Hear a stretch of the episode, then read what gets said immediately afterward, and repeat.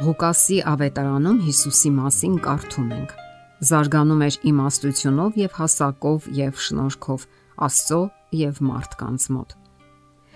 Աստվածաշունչը մեզ է ներկայացնում, թե ինչպես Հիսուսը մարդ դարձավ այդ բարի լիակատար իմաստով։ Սակայն ճշտենք նաև, որ նա ճգնավոր չէր։ Աշխարի փրկիչը որպես մարդ կարիք ուներ զարգանալու եւ աճելու ֆիզիկապես եւ հոգեպես, բոլոր մարդկանց նման, բնական ճանապարհով Իր մարդկային բանականությունը Քրիստոսը զարգացրեց մինչև վերջ, եւ այդ առումով նույնպես նա օրինակ եղավ մարդկանց համար։ Հետաքրքիր է, որ գիտությունը վերջերս մի քանի զարմանալի հայտնագործություններ է արել։ Պարզվում է, որ մարդկային բանականության ներուժը չափազանց մեծ է։ Մասաչուսեթսի տեխնոլոգիական ինստիտուտի բաժիններից մեկի դեկան Ջորջ Հարիսոնը պնդում է, Գլխուղեղը պարունակում է 100 անգամ ավելի շատ նյարդային թելիկներ, քան ամբողջ աշխարհի հեռախոսային համակարգերի գծերը։ Հենց դա է ապահովում ավտոմատ միացումները, ներքին ինքնակարգավորման մեխանիզմները, մարդու ուժերի հնարավորությունների կատարելագործումը Աստծո զորությամբ։ Հենց այդպիսի բանականություն ուներ Հիսուսը եւ նա օգտագործեց այն, որpիսի ավելի իմաստուն դառնա։ Հիսուսը ֆիզիկապես զարգանում էր այնպես, ինչպես բոլոր մարդիկ։ Նա իսկական մարդ էր բոլոր առումներով։ Փրկիչը կարողանում էր հմտորեն օգտագործել կացինը, սղոցն ու մուրճը։ Նա կարող էր կառուցել տուն կամ հյուղակ։ Նազարեթի բնակիչները գիտեին, որ նա լավ հյուսն է։ Նա աճում էր նաև հոգևոր առումով։ Աստծո խոսքը այսպես է ասում այդ մասին. Եվ Հիսուսը զարգանում էր իմաստությունով եւ հասակով եւ շնորհքով Աստծո եւ մարդկանց մոտ։ Իր ողջ կյանքը նա ապրեց Աստծո հետ լիակատար համաձայնության մեջ։ Երբ Հիսուսը երեխա էր, բնականաբար մտածում եւ խոսում էր երեխայի նման։ Սակայն ոչ մեղքը եւ ոչ չարությունը երբեք նրա մեջ չաղավաղեցին Աստծո պատկերը։ Նա միշտ մնաց որպես Աստծո մարդ։ Հիսուսը զարգանում էր նաև որպես սոցիալական էակ, շնորհքով Աստծո եւ մարդկանց առաջ։ Նա եւ հավատացյալների եւ մեղավորների ընկերն էր։ Սիրում էր բոլոր մարդկանց, անկախ նրանց ցակումից եւ սոցիալական դիրքից։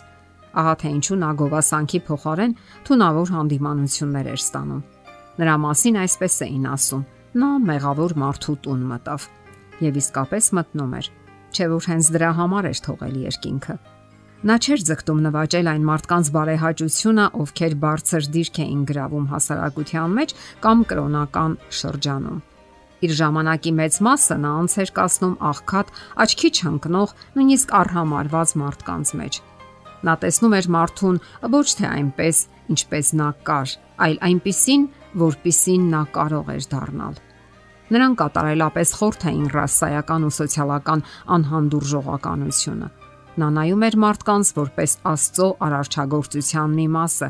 եւ լի էր ջերմ ցանկությամբ իր հոր արխայությունը վերադարձնել բոլորին։ Նրա աչքերում բոլորը հավասար էին։ Ահա թե ինչն է պատճառը, որ մեր տիրոջ ուսմունքի առանցքն ու կիզակետը կենտրոնը Աստծո սերն է։ Նա նկարագրում է երկինքը որպես մի վայր, որտեղ ուրախությունն է թակավորում, ապա նկարագրում է Աստծուն որպես սիրող հայր, ով բավարարում է իր զավակների յուրաքանչյուր պահանջմունք Իհարկե հասկանալի է, որ այդ պահանջմունքները խելամիտ են եւ չեն վնասում ոչ մեկի հավերժական փրկությանը։ Եվ Աստված կոչեր անում հասկանալ իր թակավորության սկզբունքները։ Նա հրճակում էր, որ աշխարհը մի օր կտեսնի Աստծուն այնպիսին, ինչպիսին նա կա՝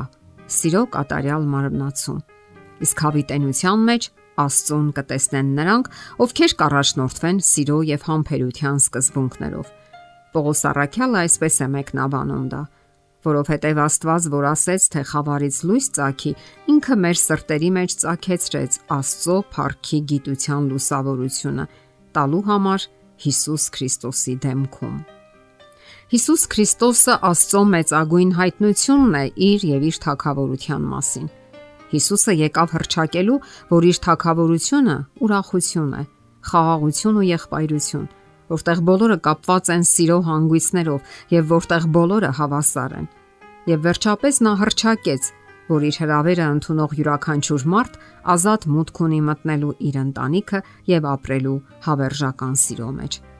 Մարդկությունն ունի Աստծո փրկության կարիքը։ Աստված այդ հույսը տվել է մեզանից յուրաքանչյուրին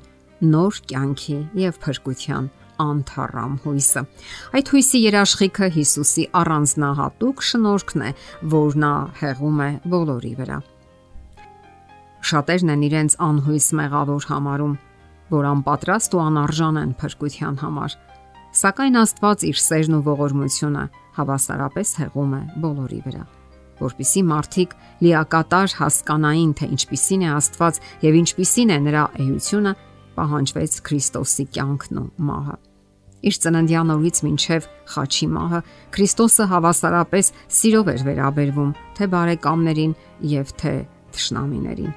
Նրա համար չկային ընտրյալներ ու ցածրեր, հարուստներ ու աղքատներ։ Ինչ էլ անենք, Աստված չի դադարում սիրել մեզ։ Նա սիրում է մեզ։ Դրա համար էլ ներում է եւ ժամանակ է տալիս։ Ժամանակ, որ ընդունենք փրկության հրավերը, ապաշխարենք եւ դառնանք Աստծուն։ Իսկ ժամանակը չի սпасում։ Անողոք արագությամբ անցնում են ժամերն ու օրերը։ Գումարվելով դրանք դառնում են տարիներ։ Անցնում է մեր կյանքի յուրաքանչյուր օրը եւ մեզ մտեցնում հավերժությանը։ Իսկ Աստված սпасում է իր յուրաքանչյուր զավակի ապաշխարությանը, որpիսի ոչ մեկը պակաս չգտնվի հոգևոր մեծ ընտանիքից։ Իսկ դուք ցանկանում եք դառնալ այդ ընտանիքի անդամը։ Հենց հիմա է որոշում ընդունելու ժամանակը։ Վաղը կարող է ուշ լինել։ Եթերում ղողանջ հավերժության հաղորդաշարներ։ Ձեզ հետ է Գեղեցիկ Մարտիրոսյանը։ Հարցերի եւ առաջարկությունների համար զանգահարել 033 87 87 87 հեռախոսահամարով։